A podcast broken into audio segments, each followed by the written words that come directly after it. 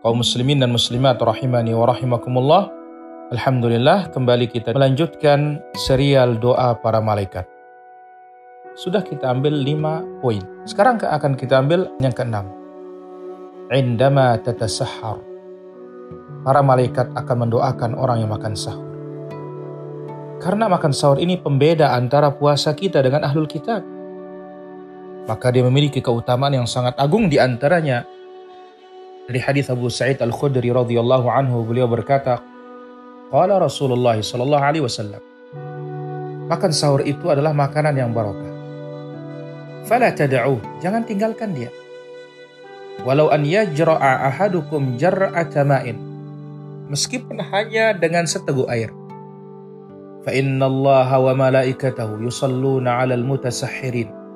Karena sesungguhnya Allah dan para malaikatnya bersolawat kepada orang-orang yang makan sahur. Hadis ini disahihkan oleh Imam Al-Albani rahimahullah taala. Maka termasuk yang meraih keutamaan ini yang mempersiapkan orang-orang yang berpuasa untuk makan sahur. Demikian juga yang membangunkan untuk makan sahur dengan azanul awal. Karena siapa pun yang menunjuki kebaikan, maka sama dia seperti yang mengerjakan kebaikan tersebut. والحمد لله رب العالمين.